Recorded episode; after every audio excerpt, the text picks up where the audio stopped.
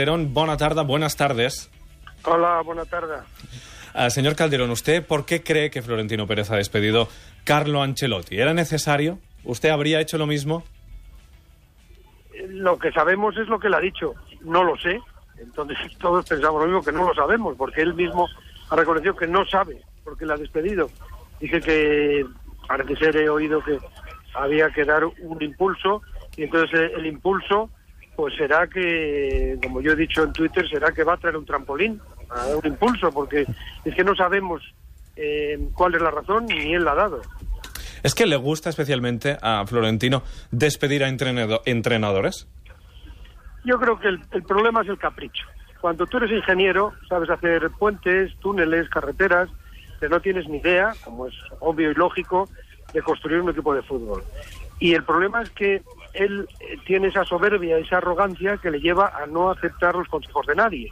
Es lo que ha ocurrido desde que es presidente. Por eso en los últimos nueve años ha ganado una liga. Porque, porque cuando tú no tienes una dirección deportiva y no confías nunca en un profesional, es muy difícil que tengas un resultado positivo.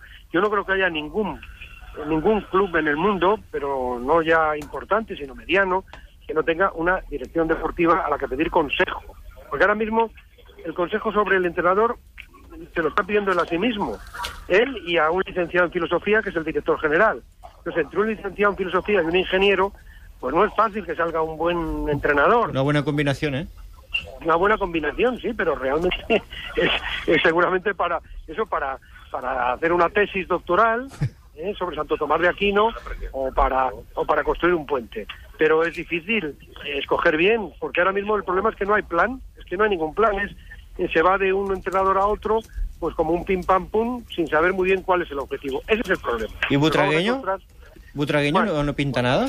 Butragueño yo creo que lo que hace es hablar, ¿no? Después de los partidos el hombre pues lo hace lo mejor que puede, ese ha sido un gran futbolista y lo tienen ahí, pues, eh, pues es una figura que eh, a mí muchas veces no me da pena porque le tengo mucho cariño, porque creo que es una persona eh, muy valorable en muchos sentidos, eh, personales y futbolísticos.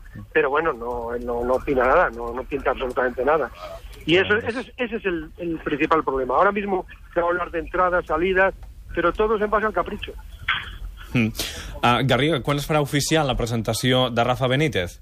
No tenim data, no tenim dia, però serà la setmana que ve. Pensa que Rafa Benítez encara té Lliga a Itàlia, juga aquest cap de setmana el seu últim partit i, per tant, ara no es podia presentar perquè encara té contracte. Esperem que dilluns o dimarts, com que el Barça pot guanyar la Copa dissabte, és possible que dilluns o dimarts, o gairebé diumenge, s'anunciï ja el nom per intentar que els diaris, com a mínim un parell o tres de dies, en comptes de parlar de la Copa del Barça, parlin del nou entrenador del Madrid. ¿Qué le parece, señor Calderón, Rafa Benítez como fichaje, como próximo técnico del Real Madrid? Es, es, un buen entrenador, como lo han sido todos los que han venido, como lo era Ancelotti, como lo era Mourinho, entrenadores son buenos, pero esa no es la cuestión. Ahora, le van a dejar hacer lo que él quiera, le van a traer lo que quiera él, eh, porque si le van a dejar lo que quiera él va a durar muy poco porque el presidente no va a estar muy contento. Si es, si es, al, si es al revés, va a ser otra vez un entrenador que va a ser una pequeña marioneta de un ingeniero y eso es un, eso siempre está abocado al, fracaso.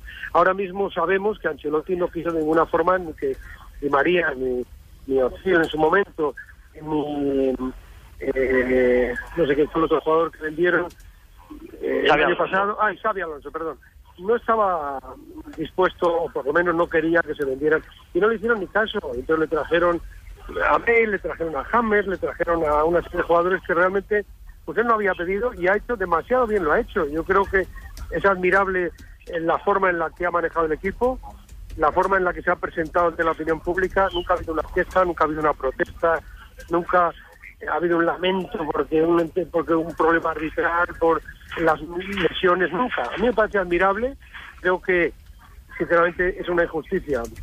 Pero pues Benítez supongo que intentará, no sé, no sé muy bien cuál es su objetivo, eh, para cualquier entrenador venir al Real Madrid, pues es un es un éxito ya profesional para siempre en su carrera. Luego pensará que podrá manejarlo adecuadamente y ojalá lo haga.